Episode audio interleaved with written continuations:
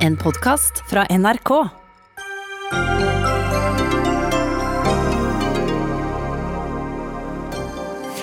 Høyres programkomité vil foreslå å selge ned statens andel i Equinor, mens Arbeiderpartiet vil at staten skal bli en langt mer aktiv eier i energigiganten.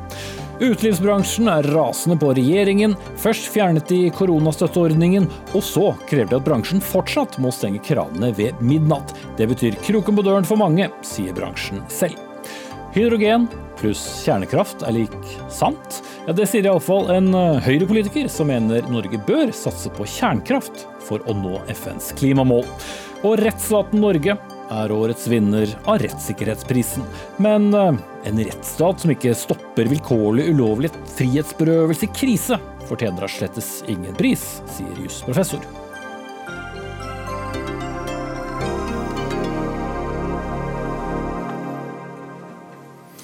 Da sier vi riktig god kveld og velkommen til torsdagens Dagsnytt 18 med Espen Aas. Senere i sendingen skal vi også innom Charlie Hebdo-rettssaken i Frankrike, og diskutere om dagens eksamensform er på overtid. Men først. Et flertall i Høyres programkomité mener staten bør eie mindre i Equinor. Staten eier i dag rett over 70 av energigiganten gjennom Olje- og energidepartementet med 67% og Folketrygdfondet med litt over 3% I et intervju med nettstedet E24 så sier du at pengene fra slik salg bør brukes i det grønne skiftet. Henrik Asheim, du er nestleder i Høyres programkomité, men eh, hvor mye bør staten selge seg ut av Equinor? Nei, Det eneste vi har sagt i forslaget til program nå, det er å si at vi skal uansett beholde en aksjemajoritet. og Så må man vurdere det både ut fra hvilken pris man kan få, det er ikke sikkert man skal selge alt på en gang. Men altså minimum 50 må du ha igjen. da, det Kan godt hende det blir mer enn det òg. Så tanken her er jo egentlig det å realisere noen av de verdiene som ligger i dette store delprivatiserte selskapet. For samtidig skal vi jo holde på med denne grønne omstillingen, skal uh, sannsynligvis i hvert fall investere i tunge CCS-investeringer, andre ting som er viktige for industrien, viktig for det grønne skiftet. Og da kanskje skal være litt flere private eiere i Equinor, og så litt mer penger til å investere i teknologi og industri. Mm. Så det å eie to tredjedel uh, som en minimum, det bør ikke lenger være noe mål? Nei, altså dette var jo et selskap som egentlig Stoltenberg I-regjeringen begynte å delprivatisere. og Stoltenberg 2 solgte seg jo noe ned i det som den gang het Statoil Hydro. Det har ikke vært noe sånn prinsipp om akkurat hvor mye man skal eie. og jeg mener at Så lenge vi beholder majoriteten og hovedkontorfunksjonen i Norge, så bør vi kunne ha en konstruktiv diskusjon om hvor mye vi skal eie, og hvor mye vi kan eventuelt ta ut for å investere i teknologi f.eks. Mm. Espen Barth Eide fra Arbeiderpartiet, første nestleder i energi- og miljøkomiteen. Du er enig med Asheim i eh, satsing på grønne skifte.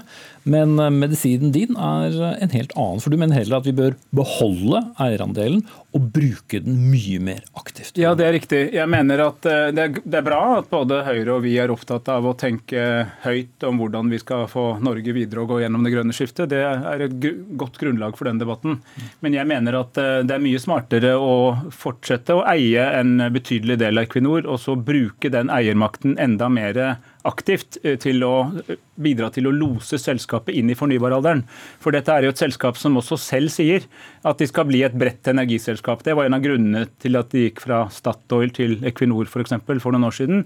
Og man vil eh, øke sine posisjoner i fornybar. Vi mener at det er en viktig og riktig retning, og vi ønsker at staten skal være en aktiv eier som sammen med de private eierne hjelper selskapet i den retningen. Så vi ønsker å beholde Equinor som en et industrilokomotiv, slik det egentlig var tiltenkt allerede i 1972, da det ble opprettet. Altså Det var et selskap som ikke bare skulle tjene penger, de skulle selvfølgelig det, men de skulle også sørge for en norsk leverandørindustri, for norsk kompetanse, for at Norge skulle bli en moderne oljestat. Det var en stor suksess. Nå skal vi så inn i et nytt kapittel og gå inn i, gradvis inn i fornybaralderen. Og vi mener at det har et stort samlet selskap, en betydelig statlig eierandel, er det beste virkemidlet for å få til akkurat det. Mm. Men en aktiv stat i et børsnotert børsnotert uh, selskap. Eh, hva tenker Høyre om det? Jeg syns dette er interessant, for da vi hadde utspillet så røyket vi på en måte også litt ut hva alle andre mener. For dette er en pågående debatt i norsk politikk hva vi skal gjøre, f.eks. med Equinor. Rødt, jeg skal ikke holde Barth Eide ansvarlig for det, men de foreslo å kjøpe hele selskapet tilbake.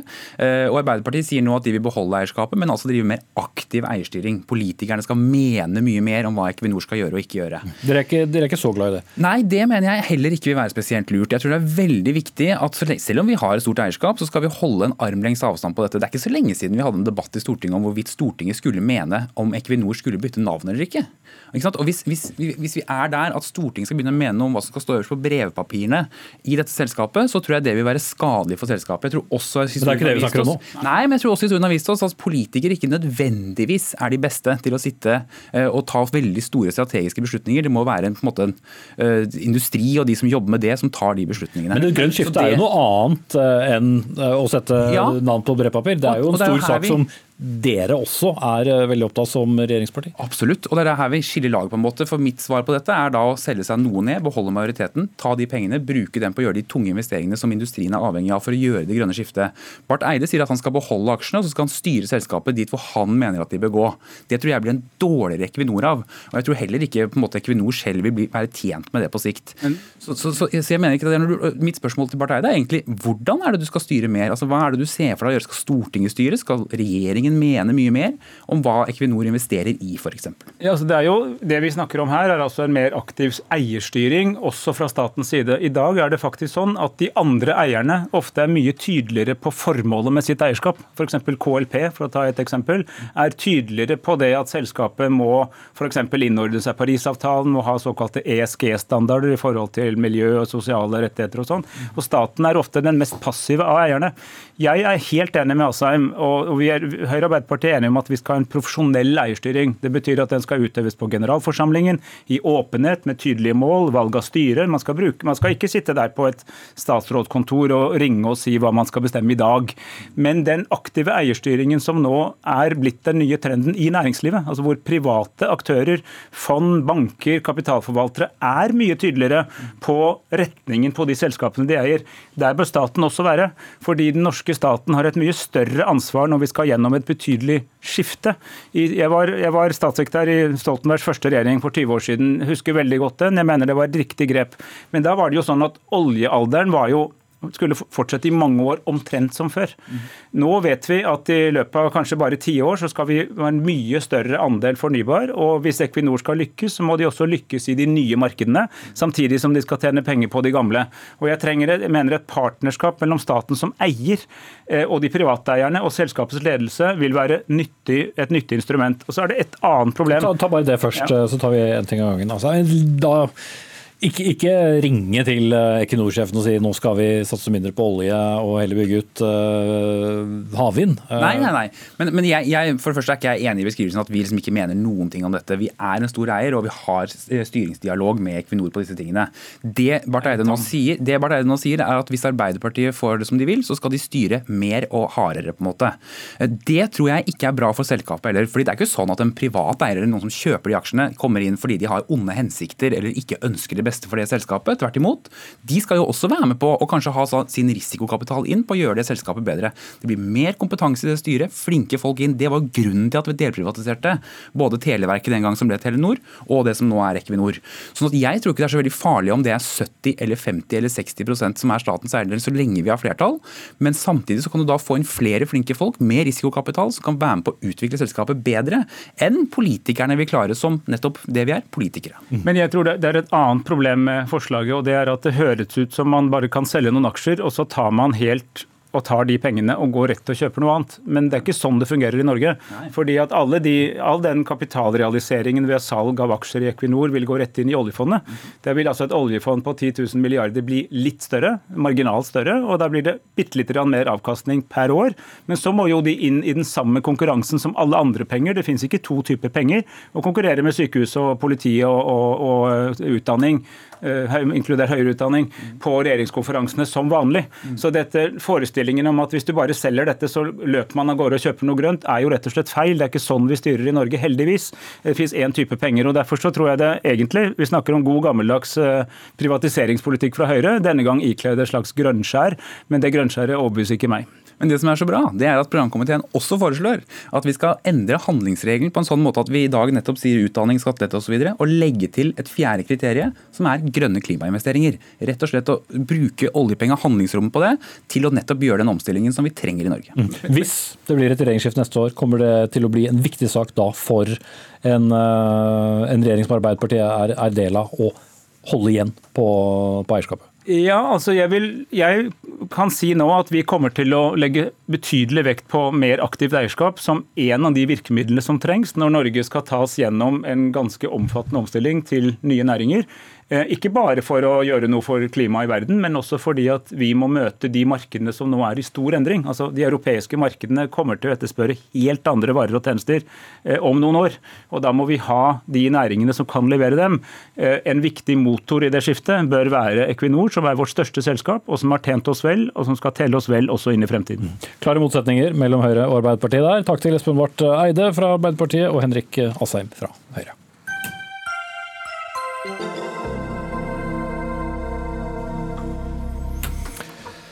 For de mange som gleder seg til å gå ut etter jobb i morgen og ta et glass, husk at det i tillegg til avstand, rene hender og holde deg innenfor din egen kohort også er stengte kraner idet klokken slår midnatt. For som kjent så bestemte regjeringen seg i går for å videreføre denne ordningen enda en stund, skjenkestopp ved midnatt. Dagen før avviklet den samme regjeringen kompensasjonsordningen for bedrifter som er berørt av koronakrisen. Og Bo Vivike, du er daglig leder for sju restauranter og utelivskonsepter, som det heter i 2020, i, i Oslo, eh, hvor du har gjort mye gjennom 17 år. Nå er det en helt spesiell situasjon for den samme bransjen. Kombinasjonen av disse to tingene, hvordan virker det for deg? Nei, altså det er, det er, alvorlig. Eh, det er jo en stor del av bransjen som er helt avhengig av de siste timene eh, med omsetning. Eh, det er jo en, en bransje som er preget av lave marginer. og det er klart Hvis 25-75% eller 100% av omsetningen forsvinner, så sier seg selv at det ikke er levedyktig. Men hvorfor er de timene så viktige? Det er det mange som lurer på. Ja, du kan si eh, Den delen av bransjen som er hardest rammet, det er jo nattklubber og barer og også sånne eventsteder. Eh, og der er, eh, der er, det på en måte hoveddelen av omsetningen, majoriteten av omsetningen er på de timene der. Det er det. Men en restaurant selvfølgelig har jo da en lengre si, omsetningssyklus og vil kunne greie seg. Men for, men for, en del av bransjen så er dette her helt kritiske timer for å kunne overleve. Mm. Men hvorfor kan ikke også den bransjen omstille seg, slik at de kan f.eks. få kunder inn tidligere og tjene inn de samme pengene da over et, et annet tidsrom? Det prøver man, men det er litt sånn hvis du driver et frokoststed og så får du beskjed om at du ikke kan ha åpent under mellom sju og ti, så kan du ikke flytte den til klokken tolv. Det er litt det samme med, med uteliv. Eh, det funker dårlig. Mm. Nå har det jo vært en del uh, måneder siden uh, utelivsbransjen fikk en helt ny verden. Hvor lenge kan dere holde på med slike restriksjoner og fortsatt ha folk i arbeid? Altså det avhenger av statens støtteordninger. Eh, slik det har vært nå, så har vi jo greid oss, eller i hvert fall den delen av virksomheten som er avhengig av disse timene, har jo greid oss pga. kompensasjonsordningen. Det er på en måte et kunstig åndedrett for å holde liv i bedriften. Dersom eh, kompensasjonsordningen nå ikke opprettholdes, så eh, er jeg redd for at det kommer til å være mange konkurser. Og I vår bransje så er det veldig mange unge mennesker som jobber. I Oslo så er det vel 40 000 som jobber i servering og hotell. Og i per juli så var det 1, 25% av disse var jo da arbeidsledige. Nå frykter jeg at den situasjonen blir mye verre. Og med konkurser så, så vil vi oppleve mer arbeidsledighet. Eh, vi vil oppleve altså, underleverandører, leverandører til, til, til utelivsbransjen vil også selvfølgelig merke det. Og det er tap av arbeidsplasser. Mm.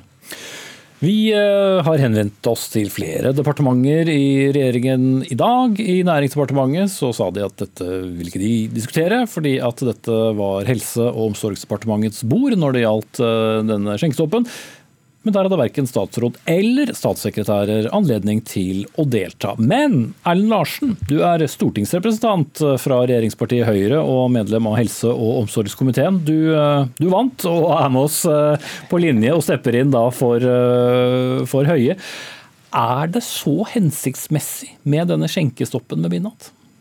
Det som er det viktige med skjenkestoppen her, er jo først og fremst at Folk som er påvirka etter midnatt eller seinere på slutten av natta, hva som helst, de har vanskeligere for å gjøre rede for hvilke mennesker de har vært rundt seg, har hatt rundt seg dersom det skulle bli smitte. Altså Smittesporinga blir betydelig vanskeligere når du kommer seinere ut på natta, på steder hvor hovedmenyen er alkohol.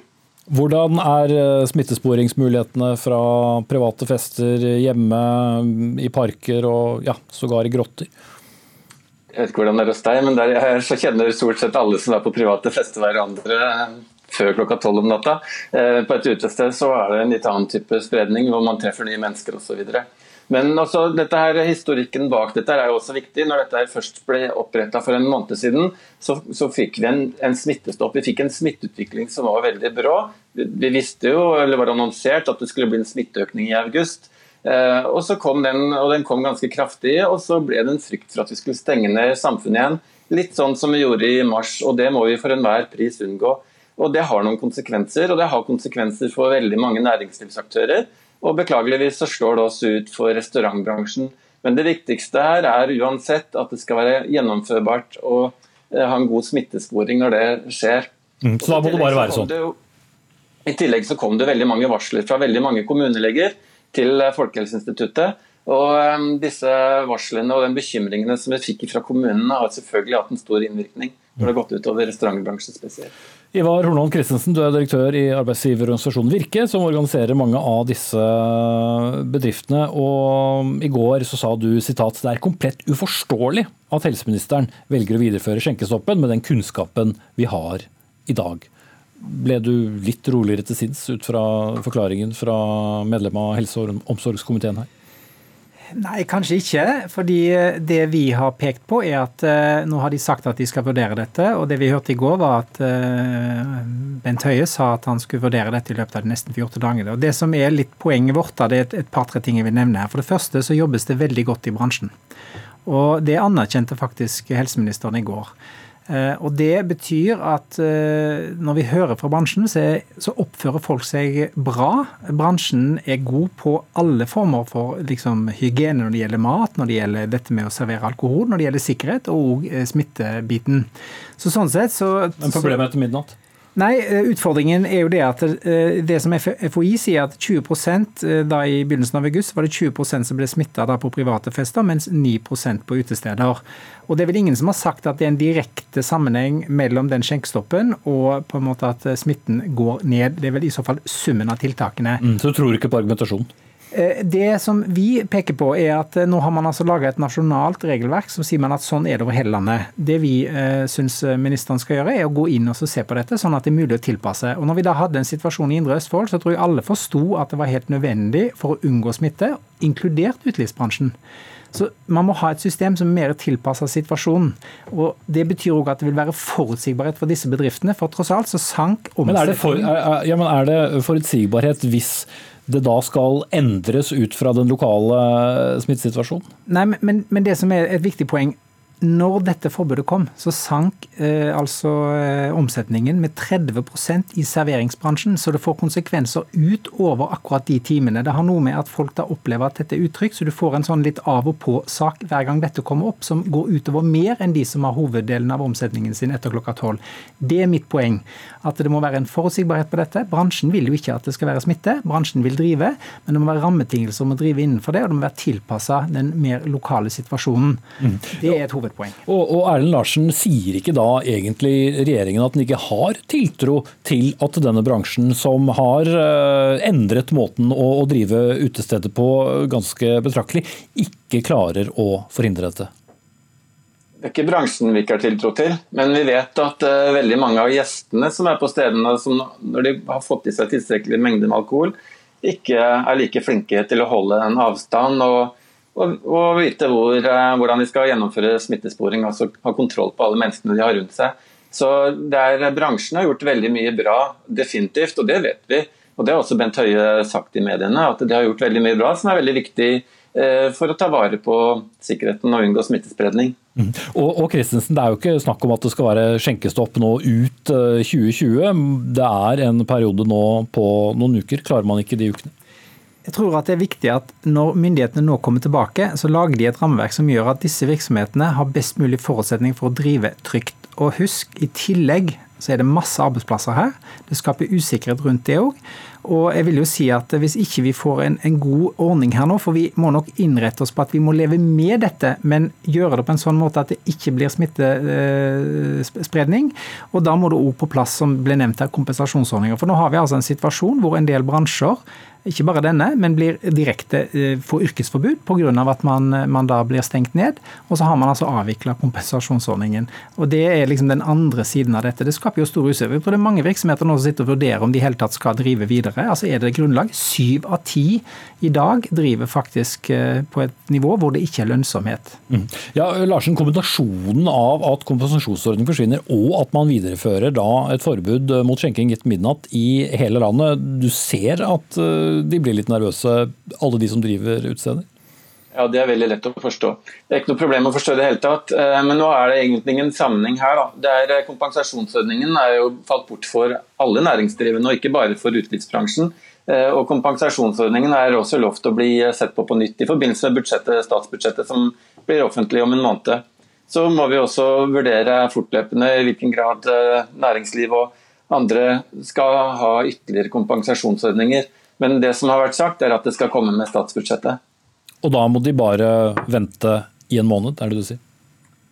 Ja, det er eh, sånn det er for alle næringsdrivende. Det er ikke spesielt for utelivsbransjen. dette her. Mm. Men er ikke utelivsbransjen også en bransje som kanskje blir rammet ekstra mye nettopp fordi at de må begrense åpningstiden? De som blir ramma hardest i Norge, er reiselivsbransjen. Eh, flybransjen og andre. Til venstre for meg så er det tre ferger som har ligget i opplag siden midten av mars. Til høyre for meg så er det en flyplass, Sandefjord lufthavn, som har vært nedstengt i lengre perioder. Det som er det viktigste her, er at helsepersonellet vårt eh, fortsetter å være helsepersonell. At vi unngår smitte som gjør at vi får så høyt sykefravær at eh, avdelinger på sykehus må stenge ned, at operasjoner må stenge ned. Det er det absolutt viktigste. Så får vi tåle at enkelte ting eh, rammes under det, og det er beklagelig at det rammer økonomien til mange næringsdrivende. Men det overordnede viktigste her, det er at infrastrukturen i samfunnet fortsetter å virke at ambulansen kommer når du har behov for det, at operasjonssykepleiere og leger står klare til å kunne ta imot pasienter når de kommer inn på sykehuset. At ikke vi ikke får en situasjon hvor vi må stenge ned samfunnet på nytt igjen. Det er det overordna viktigste. Mm. Vi er vel et stykke unna det, men det var vel likevel ikke svaret du ville høre, Christensen? Nei, jeg syns dette er å dra det langt. Altså, Vi har en situasjon nå i helsesektoren som jeg er veldig glad for, som går veldig bra. Og vi har håndtert dette ganske godt. Men jeg syns det blir litt rart å høre denne argumentasjonen. Altså, Det er mange som driver i mange bransjer som per i dag faktisk ikke har mulighet til å drive fordi de er nedstengt, fordi det er knytta til smittevern. Og de arbeidsplassene er like mye verdt som de arbeidsplassene som er i gang her. Og når vi nå som samfunn har hatt ordninger som har gjort at vi har løfta bedriftene gjennom dette, så skal vi plutselig nå sitte og vente til langt utpå høsten før vi får noen avklaringer. Det syns jeg er å forvalte den investeringen vi som samfunn har gjort, på en dårlig måte. Så her forventer jeg at eh, helsemyndighetene kommer tilbake med rammebetingelser som gjør at det er mulig å drive, sånn at disse bedriftene kan planlegge. Men samtidig så forventer jeg at regjeringen ser samlet på hvordan vi kan ha kompensasjonsordninger som er tilpassa den situasjonen vi er i nå. Og Hvis det er sånn at noen bransjer skal få det og andre ikke skal få det, det er litt avhengig av hvilken statsråd du er eller hvor i landet du er, så blir det underlig for meg. altså. Mm. Eh, bedriftene vil mest mulig drive på vilkår som gjør at det er lønnsomt, men det er fortsatt bedrifter innenfor kultur, servering og reiseliv som kommer til å ha det tøft lenge. Mm. Og ditt korte svar Ellen Larsen, det er vente oktober? Ja, altså jeg har full forståelse for dette, her, og vi skal vurdere disse tingene fortløpende. Mm. Men eh, til slutt, Bo Vivike, Det, du går ikke ut fra dette studioet her med senkede skuldre, hvis jeg tolker eh, din ansiktsuttrykk Nei, under det, jeg, jeg, jeg, tenker det at Når det gjelder den smittesporingen, så er det jo andre grep som er mye enklere der. Altså vi, ofte så registrerer vi alle gjestene våre. Og nå er det jo slik at servering foregår ved bordene, og man må boke bord. Så vi har jo full koll på hvem som har vært der, med navn og telefonnummer og sånne ting. Så, så, så, det er ikke noe godt argument. Eh, og så er det relativt strenge tiltak allerede. Det er ikke normal drift. Det er slik at folk sitter ned. Og så tror jeg vår bransje er mye mer egnet til å passe på at folk eh, opprettholder avstandsreglene, og at, de er, og at det desinfiseres og at man ivaretar alle smitteverntiltak. Det tror jeg ikke man får til en privatfest. Det tror jeg ikke man får til på stranda i parken, og heller ikke en grotte. Mm. Takk skal du ha, Bo Vivike, som kommer fra utelivsbransjen. Ivar Hornland Christensen, leder av Virke, og Erlend Larsen, stortingsrepresentant fra Høyre. Og det virker altså ikke som det blir noe hjelp med det første.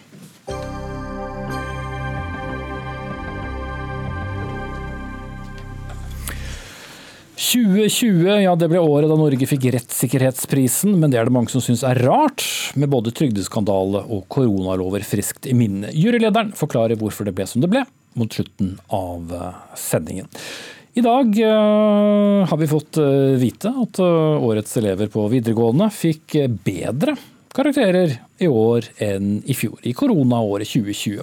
Avlyste eksamener pga. nettopp korona pekes på en av årsakene. Elever får ofte dårligere karakterer på eksamen enn standpunktkarakteren som de får i samme fag, og Elevorganisasjonen ønsker å fjerne hele eksamensformen, i hvert fall slik vi kjenner den i dag, og erstatte den med et mer langsiktig vurderingsgrunnlag. Og Kristin Schultz, leder for Elevorganisasjonen, var det dette resultatet dere har ventet på? I år da eksamen ble avlyst, så fikk jo skolen plutselig mye mer tid til å ha gode og tilpassa vurderingssituasjoner for elevene, som skulle være grunnlaget for de standpunktkarakterene de skulle ha. Til vanlig er jo perioden mellom april og juni prega av mye stresspugging og lesing og dødtid i alle de fagene man ikke har eksamen i. Men med de ekstra to månedene vi fikk i år, så fikk man muligheten til å følge elevene mye tettere opp i alle fagene, ikke bare i eksamensfagene. Og de elevene som holdt på å falle fra, eh, de fikk muligheten til å komme seg tilbake igjen. Og dette er jo prinsipper som vi nå skal få inn i skolen permanent med fagfornyelsen, hvor vi skal begynne å se nytt på læring. Mm. Men Vil dere fjerne eksamensformen helt, eller hva er det du ser for deg? Ja, Det er jo veldig eh, bred politisk enighet om fagfornyelsen, men eksamen passer ikke inn i det bildet av skolen som vi har der. Dette er jo regjeringa og Stortinget sin reform, men den politikken de fører nå med eksamen, det setter en stopper for at fagfornyelsen kan eh, nå så langt som de ønsker. Mm. Statssekretær i Kunnskapsdepartementet, Anja Johnsen fra Venstre, dere arbeider nå altså med en stortingsmelding hvor eksamen er et eh, aktuelt tema. Kan du lette på sløret hva slags eh, endringer kan, eh, kan komme? Ja, jeg kan starte med å si at, at det kommer nok til å være form for eksamen også i, i fremtida, i tillegg til standpunkt. Men vi er helt enig med det Elevorganisasjonen melder her, at vi trenger ei vurdering av eksamensordninga sånn som den er i dag. Uh, og det er mange ting ved den uh, gjeldende uh, eksamensordninga som det kan være verdt å se på. Mm, men, men bare for å få det på det, så det ser for deg fortsatt det som man kaller for en, en sitt ned-eksamen i et klasserom hvor man har en viss tid til råde. Den formen for eksamen skal videreføres på en eller annen måte? Nei, vi ser Nei? for oss at det fortsatt skal være eksamen i tillegg til standpunkt. Fordi det er også gode argument for å beholde eksamen. Men det er, det er helt eh, nødvendig å se på om eksamensordninga fungerer godt nok. Eh, F.eks. så må vi vurdere om dagens ordning vurderer kompetanse bredt nok. Eh, med, med fagfornyelsen så, så inneholder kompetansebegrepet også evne til refleksjon og kritisk tenking. Og hvor godt får du vist det på en, en eh, femtimers eh, skriftlig prøve der du er stressa?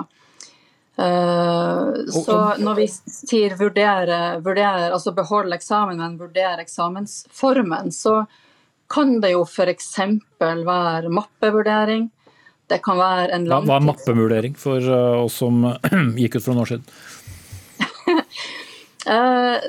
da har eleven hatt mulighet til å, å samle opp arbeid over eh, tid i en mappe, altså et utvalg av sine arbeid som kan bli vurdert av eh, den egne faglæreren, men man kan også tenke seg at uh, arbeid kan bli vurdert av en ekstern sensor.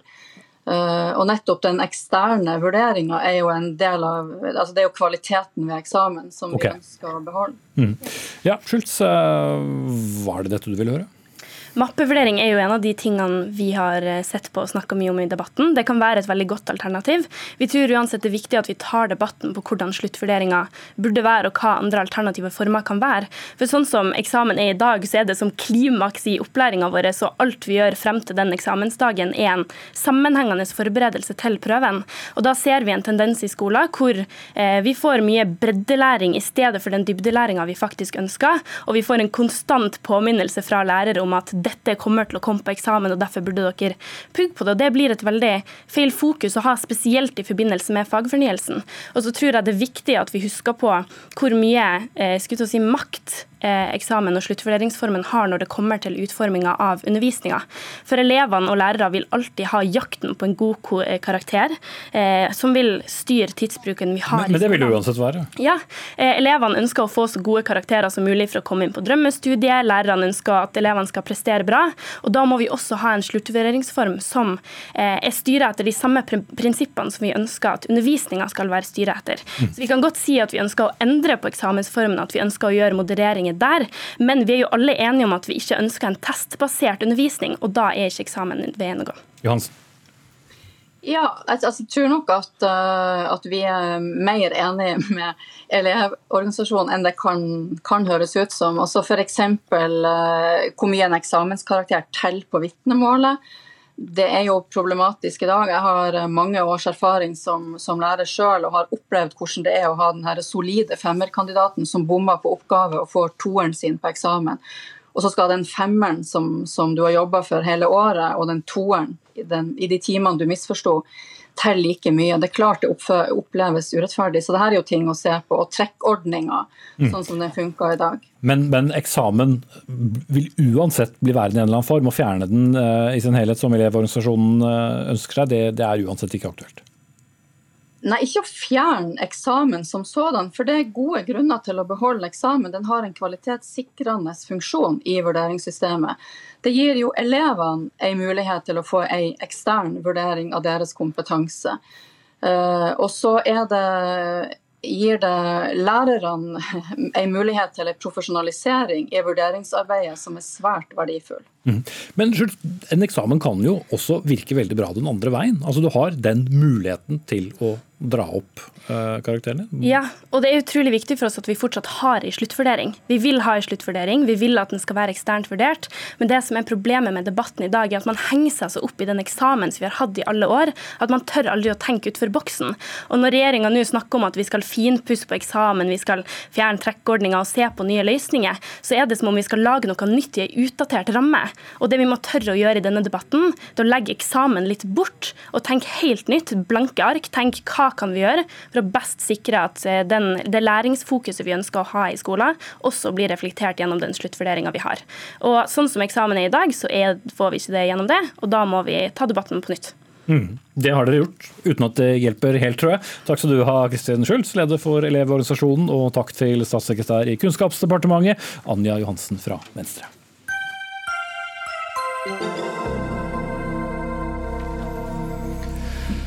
Så skal vi til den pågående rettssaken etter terrorangrepet mot det franske satiremagasinet Charlie Hebdo i 2015. Drapene på til sammen tolv personer, blant dem magasinets eh, sjefredaktør, av islamistiske terrorister rystet Europa, og ble også starten på en bølge av islamistisk terror i Europa. Fem og et halvt år er gått siden den kalde januarkvelden hvor det hele eh, startet. Og i går startet altså rettssaken. Kristin Skare Augeret, professor ved Institutt for journalistikk og mediefag ved, ved Oslo MET. Hvordan preger denne rettssaken, som jo kommer, som jeg sier, fem og et halvt år etter hendelsen? Den preger Frankrike sterkt, den preger mediebildet sterkt. Og jeg tror mange franskmenn også gjenopplever, da det har gått lang tid, men plutselig så husker man tilbake og bestialiteten ved det som skjedde eh, den formiddagen i januar eh, for da fem og et halvt år siden. Eh, mange omtaler den som denne rettssaken som historisk, og det handler bl.a. om omfanget. Det er en diger rettssak. 144 vitner skal nå inn de nærmeste dagene og ukene. Mange av de er berørte direkte, var til stede stede. Noen ble skutt og forsøkt drept og overlevde. Andre er nære familiemedlemmer og venner av, eh, av mennesker som ble eh, drept. Eh, dessuten så gjør noe annet som gjør den historisk, denne rettssaken, er fraværet av de hovedanklagede. Tre, eh, de tre hovedpersonene, eh, de to brødrene som sto bak, kom inn i redaksjonslokalene. Og den tredje som sto bak eh, angrepet mot denne jødiske supermarkedet, de ble jo drept på stedet. Men nå tar man da og anklager de som har vært med, medvirkende til hele prosessen, skaffet biler, skaffet våpen. Og her er det jo enormt stor interesse rundt konen, eller da enken. Jihad-enken kaller en del franske medier henne. En 32 år gamle Hayat Boumedienne, som er Frankrikes mest ettersøkte kvinne. Hun blir nå tiltalt in absentia, altså hun er ikke til stede. Man tror hun kanskje er nord i Syria. Eh, hun har sverget ed til IS.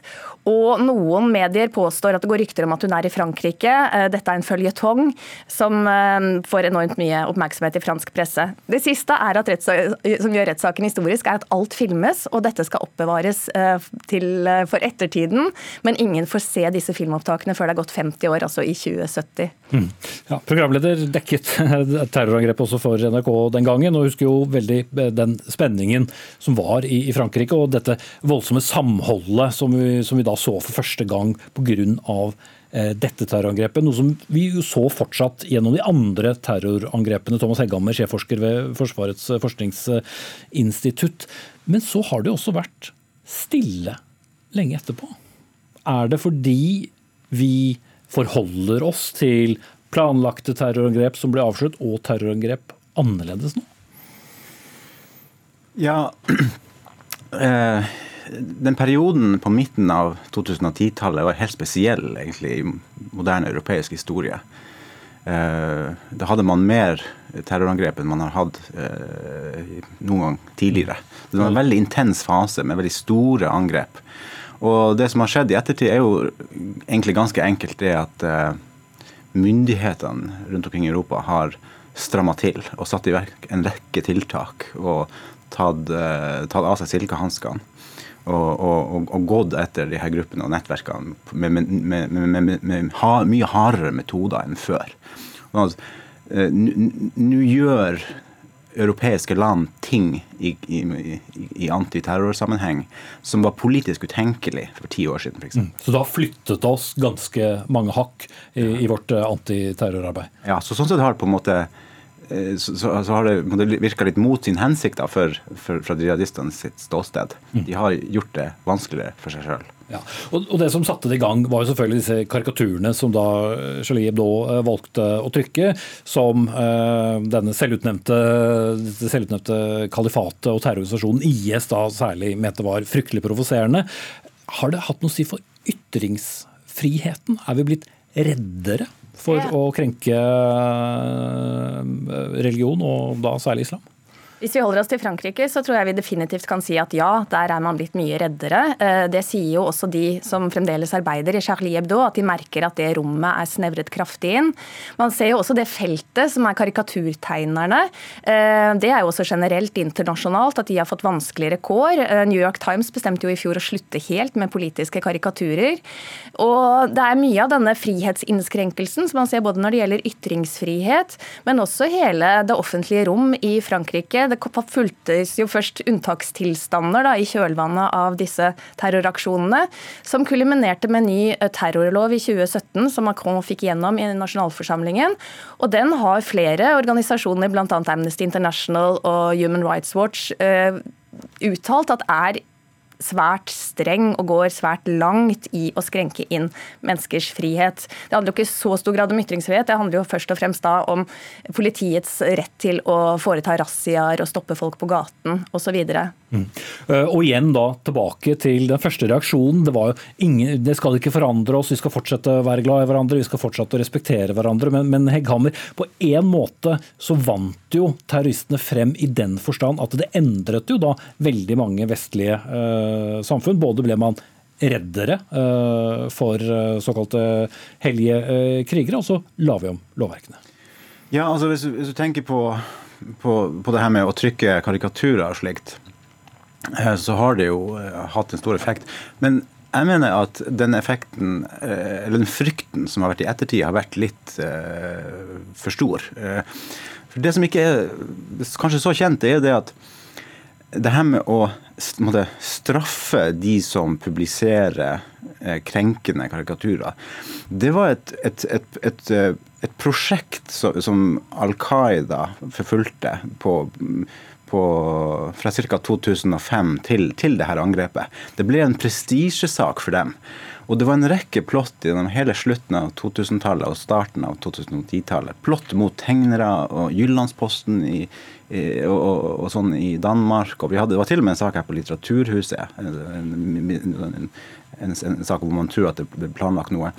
Og alt det her men, så, så, de prøvde og de prøvde og de prøvde, det fikk de ikke til før da på Charlie Hebdo i 2015. Og, og, og, da fikk de på en måte hull på byllen.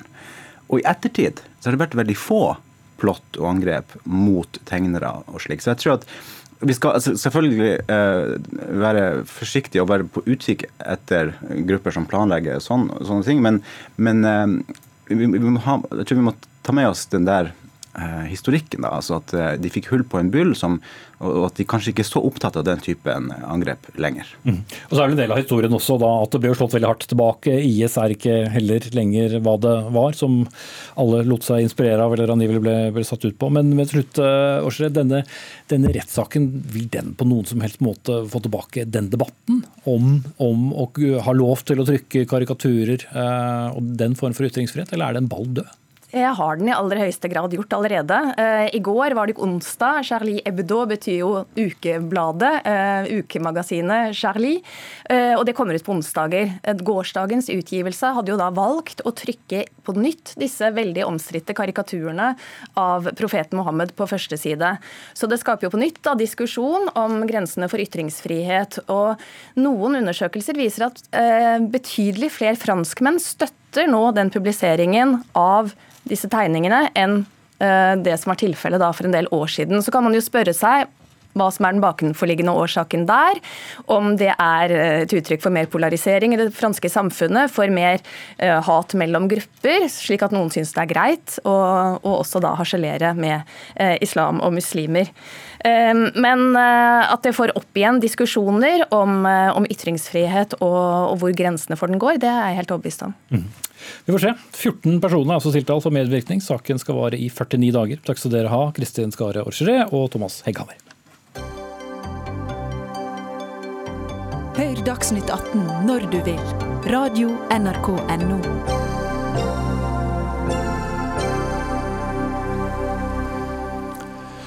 Hydrogengass er blitt utpekt som et viktig satsingsområde for grønn energi i Norge, nettopp fordi den kan fremstilles og brukes helt uten direkte utslipp av CO2. Men i dagens produksjon brukes naturgass, og det er ikke så miljøvennlig. Og derfor må vi satse på kjernkraft. Det sier du, Marianne Synne Semblesvåg, stortingsrepresentant for Høyre og bioingeniør. Skal vi tilbake til atomalderen? Eh, ikke tilbake til atomalderen. Det har skjedd veldig mye siden atomalderen. Eh, men det som jeg mener vi må ha en, diskusjon på CO2-frie energikilder på et bredt eh, aspekt. Fordi det er ingen som snakker om hvor mye energi er det vi trenger for å fremstille denne hydrogengassen. Eh, med dagens produksjon fra naturgass, som du sa, så vil vi bruke altså 10% av vannkrafta vår bare til å produsere hydrogengass. Og, Det høres uh, veldig spesielt ut for meg. og Det er derfor jeg tenker vi må tenke kjernekraft slik som resten av verden gjør. Uh, men ikke da uran og nedsmelting av kjøletårn og Fukushima og Tsjernobyl. Men jeg mener kjernekraft som i thorium og i saltsmeltereaktorer. Og tanken er ikke ny. Eh, vi i Høyre vi har jo hatt programfester fra 2009 til 2013. Og også Høyre og Frp lanserte det da i Sundvolden-erklæringa at vi måtte ha mer forskning og utvikling på kjernekraft. og da først og fremst på thorium. Ok, Som vi har forekomster av i, Norge. Men uh, kjernekraft det er ikke en løsning du uh, mener er uh, det vi skal ta tak i i klimakampen. Ask Ibsen Lindahl, du er energipolitisk talsperson for Miljøpartiet De Grønne. Hva, hva er galt med dette? Nei, altså Det er jo ikke noe galt i seg selv hvis man utreder hvordan man potensielt i framtida kan bruke teknologier sånn som thoriumkraft. Men det, det er ingen som må innbille noen at det her er noe som noe som ville være tilgjengelig med det første. Om vi så liksom ga på alt vi hadde av kompetanse og ressurser her i Norge, så tror jeg vi hadde snakka om et utviklingsløp et sted mellom hvis du er optimistisk 15, eh, mer realistisk 30-40 år. Eh, så, så, hvis man skal begynne å ta tak i problemene vi har i dag, så starter man litt i feil ende. Og så er det jo interessant at, eh, at du løfter debatten her, hvis regjeringa har hatt det i plattformen sin i ti år.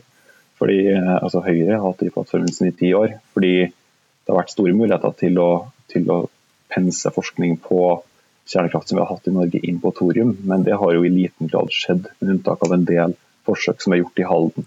Mm. Ja, Emlemsvåg, eh, jeg tror jeg kan huske et par tiår tilbake, hvor det også var store saker rundt thoriumforekomstene i Norge og alt vi kunne gjøre med det, men eh, det har jo ikke skjedd så mye? Nei, og det stemmer det. Og i 2013, bare for å svare på den først, eh, så lanserte jo Høyre og Frp at vi ønska et forskningssenter på thorium. Men det ble nedstemt i Stortinget, derfor ble det lagt i ei skuff. Tidligere regjeringer har også hatt utredning og utvalg, men det har blitt lagt i ei skuff fordi at eh, kjernekraft har vært fy-fy. Eh, når det gjelder utviklingsløpet, så tenker jeg at MDG må sette seg litt inn i hva som skjer der ute i verden. Eh, Energidepartementet i USA har nå satt seg mål at om syv år skal de ha ferdig en, en saltsmeltereaktor som skal være i full drift. Den har vært utvikla tidligere i USA, den var i drift på 60-tallet. Det som har skjedd nå når man har tatt opp igjen teknologien, er at man ønsker å forfine teknologien og gjøre den mer lønnsom. Så her snakker ikke vi 30-40 år, altså. Her snakker vi maks 10 år. Mm.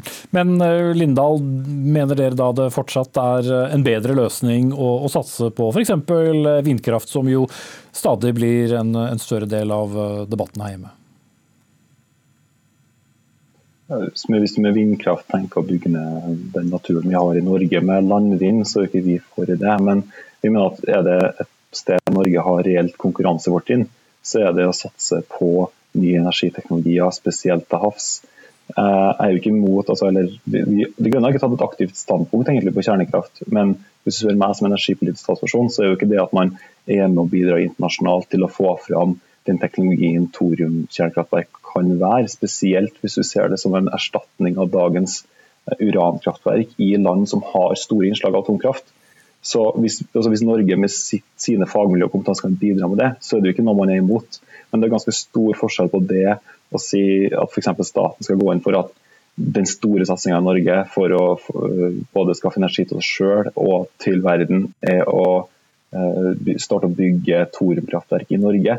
Så, så, så tror jeg i overkant optimistisk da, og tror at du f.eks. skal ha på plass et stort thoriumkraftverk i Norge i, tiårs, i et tiårsløp. Mm. Det vil jeg påstå er rimelig urealistisk. Ja, Emlemsvåg, til slutt, eh, Hva er eh, det mest konkrete Norge kan gjøre for å eventuelt få i gang en, en fortgang her som, eh, som du ønsker deg? Det mest konkrete vi kan gjøre, er å starte opp igjen forskning og utviklinga. Vi har Tor Energy i Norge som har begynt forskning på thorium, men de fikk jo ikke fullført sin forskning fordi vi politisk la ned Halden-reaktoren. Vi har et kjempegodt fagmiljø i Halden og på Kjeller som vi bør utnytte og være med på utviklinga. For det er det jeg mener. Om ikke vi får en egen reaktor innen ti år, så må vi være med på den internasjonale utviklinga og ikke bare bli en, en råvareleverandør for thorium. Ok, Og, og, ja, jeg, kan jeg bare få ett poeng? Eh, fordi at jeg, Jeg vil bare at folk skal tenke over eh, Jeg syns at hydrogengass er en flott energibærer, men hvor skal vi få energien til å produsere den uten CO2? Skal vi bruke vindmøller, så må vi bygge 1200 flere vindmøller enn i dag. For å komme opp på, bare på det nivået vi da produserer fra naturgass. Ok, Det ble et eh, langt uh, siste poeng for deg, Marianne Emblemsvåg, stortingsrepresentant fra Høyre. Takk skal du ha, og takk til Ask Ibsen Lindahl, energipolitisk talsperson fra MDG.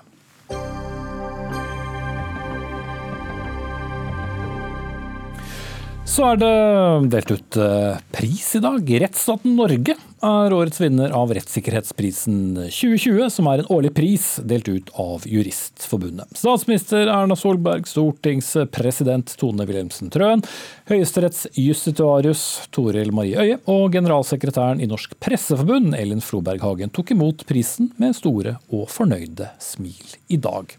Men det har pågått en debatt eh, ved siden av. For det er ikke alle som var like begeistret over denne prisen.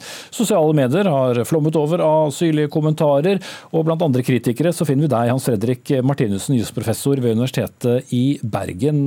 Fortjente ikke Norge denne prisen? Nei. Nei, Kort og godt, hvorfor ikke? altså, min viktigste kritikk er at jeg syns det er ganske umusikalsk å ta ut liten, et lite stykke av den store kaken, eh, hvor faktisk rettsstaten Norge etter min mening kanskje er mer under press og står svakere enn på veldig lenge. Vi kjenner alle at eh, vi er midt i den store Nav-skandalen. Eh, som jo er eh, et godt eksempel på at rettsstaten sviktet fullstendig. Vi har barnevernssakene i eh, Menneskerettighetsdomstolen som vi har tapt. Vi har en ganske alvorlig situasjon i norsk kriminalomsorg. Der har vi fått dommer i norske domstoler på at folk nakensjekkes rutinemessig i strid med menneskerettighetene. Folk isoleres i strid med menneskerettighetene. Vi bruker varetekt, glattcelle i altfor stor utstrekning. Og selv om vi får dommer på dette, så er det en praksis vi ikke uten videre greier å, å avslutte. Eh, I tillegg så har vi store utfordringer på rettshjelpsområdet. Det er i dag nesten ingen som kvalifiserer til fri rettshjelp. Forsvarersatsene blir stadig lavere, eh, som vi også har sett i, Nav-skandalen. Sånn forsvarerne har ikke tid til å forberede seg eh, skikkelig, gjøre jobben eh, som vi ønsker at de skal gjøre. Vi kutter i domstolene. Så har vi proforma-ekteskapsskandalen i UNE, som kan ligne litt på Nav-skandalen. Vi har masse på utlendingsfeltet. Vi har barn som interneres ulovlig på Trandum. Folk som transporteres ut bevisstløs, folk som returneres til tortur.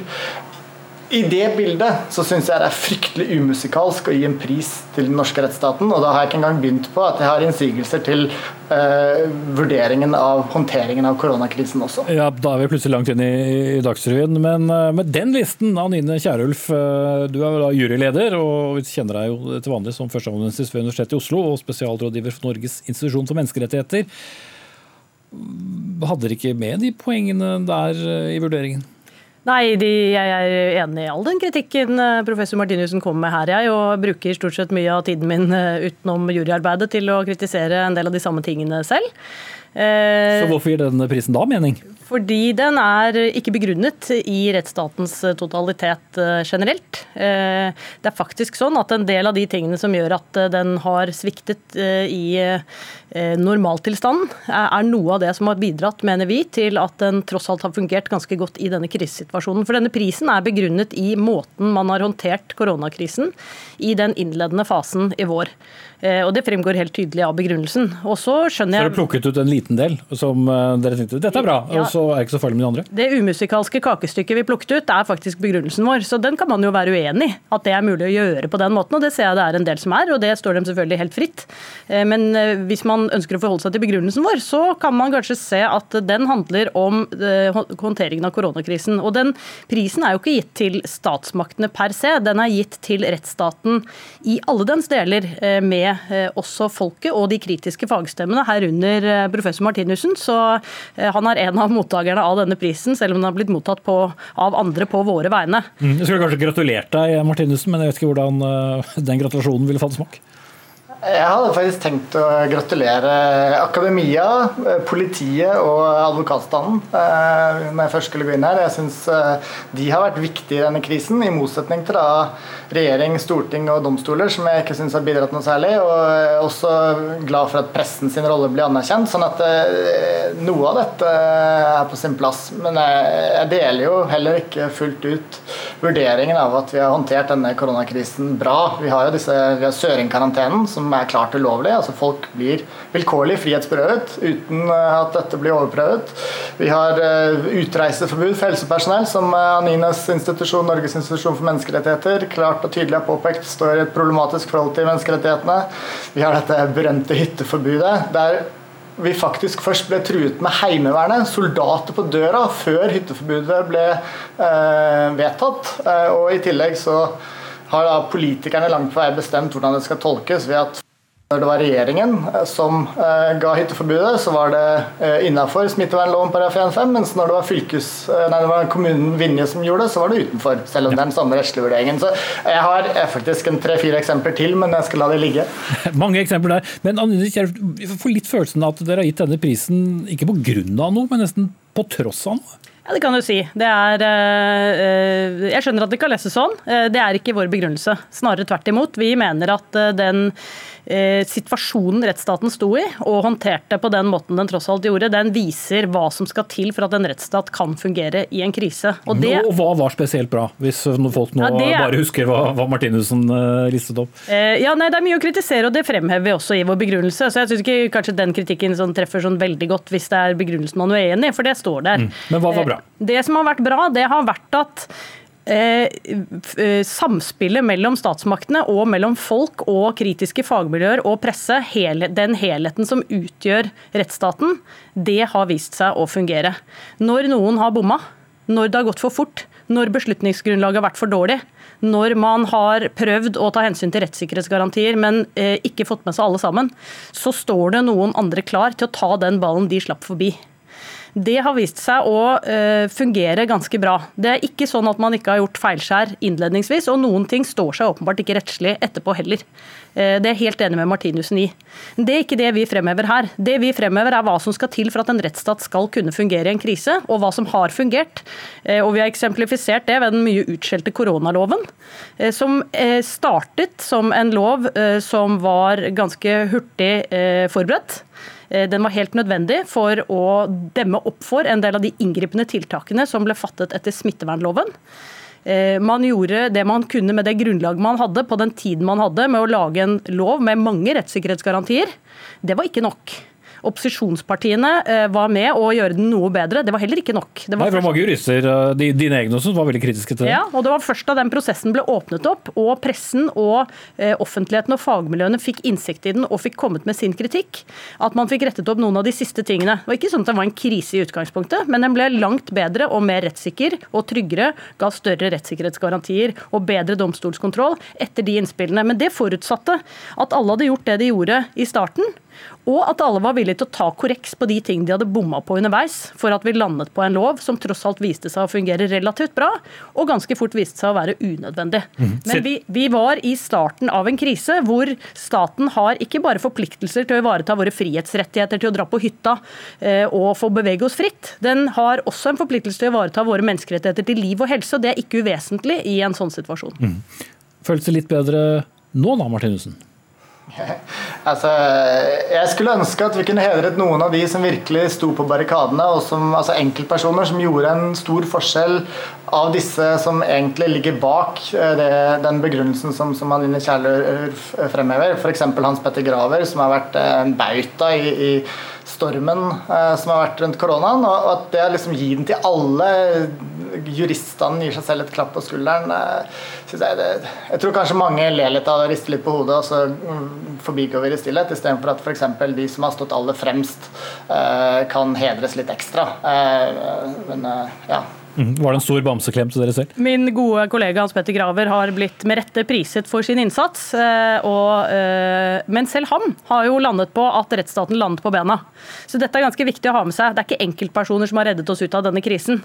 Eh, det er ikke bare de ansiktsløse byråkratene, det er ikke bare regjeringen, det er ikke bare Stortinget, det er ikke bare domstolen, det er ikke bare fengselsbetjentene, det er ikke bare helsebetjentene. Det er ikke, det er ikke bare noen. Det er helheten, det er den dugnaden vi sammen har drevet, også på rettsstatens område, som har gjort at vi har landet såpass på bena som det vi har. Mm. Forlegger Anders Heger skrev på Twitter i dag årets løpe naken med ballongdyr på Hodeprisen er eh, delt eh, ut. Det har vært eh, en del som har, har stusset, men de har rett og slett ikke lest begrunnelsen deres godt nok. Nei, jeg tror noen har nok bare ikke lest begrunnelsen. Og så ligger det jo veldig godt an til harselas, så det er jo klart. Eh, eh, vi startet med sammenligningen med Jeg var blitt sammenlignet med Hviterussland, Hitler-Tyskland, Saudi-Arabia. Det er de få tingene jeg har fått med meg foreløpig. Eh, det er Twitter-formatet. Det er akkurat den formen for harselas. Og så er det noe mer eh, gjennomtenkt kritikk, eh, som jeg tenker at noe treffer. Noe treffer ikke så godt. Men vi har ønsket denne diskusjonen. Vi har ønsket denne diskusjonen om hva som skal til for at en rettsstat skal fungere i krise krise, og etter vårt syn så er det helheten og samspillet mellom delene. Kort kommentar til slutt, Martinussen. Jeg skal ta selvkritikk på at jeg nevnte både Hviterussland og Hitler i den diskusjonen. ikke verst, du tok ikke Saudi-Arabia, da. Det var fint. ok, får, dere får klemme hverandre. Uh, vi er ved veis ende i dag. Takk skal dere ha, Hans Fredrik Martinussen, jusprofessor ved Universitetet i Bergen, Anine Kierulf ved Universitetet i Oslo, og juryleder Dag Dørum var ansvarlig for innholdet i denne sendingen. Hanne Lunås tok seg av det tekniske. Jeg eh, heter Espen Aas, og vi får bare beklage at vi i 2020 ikke klarte å by på bedre lyd enn dette fra Bergen. Takk for nå.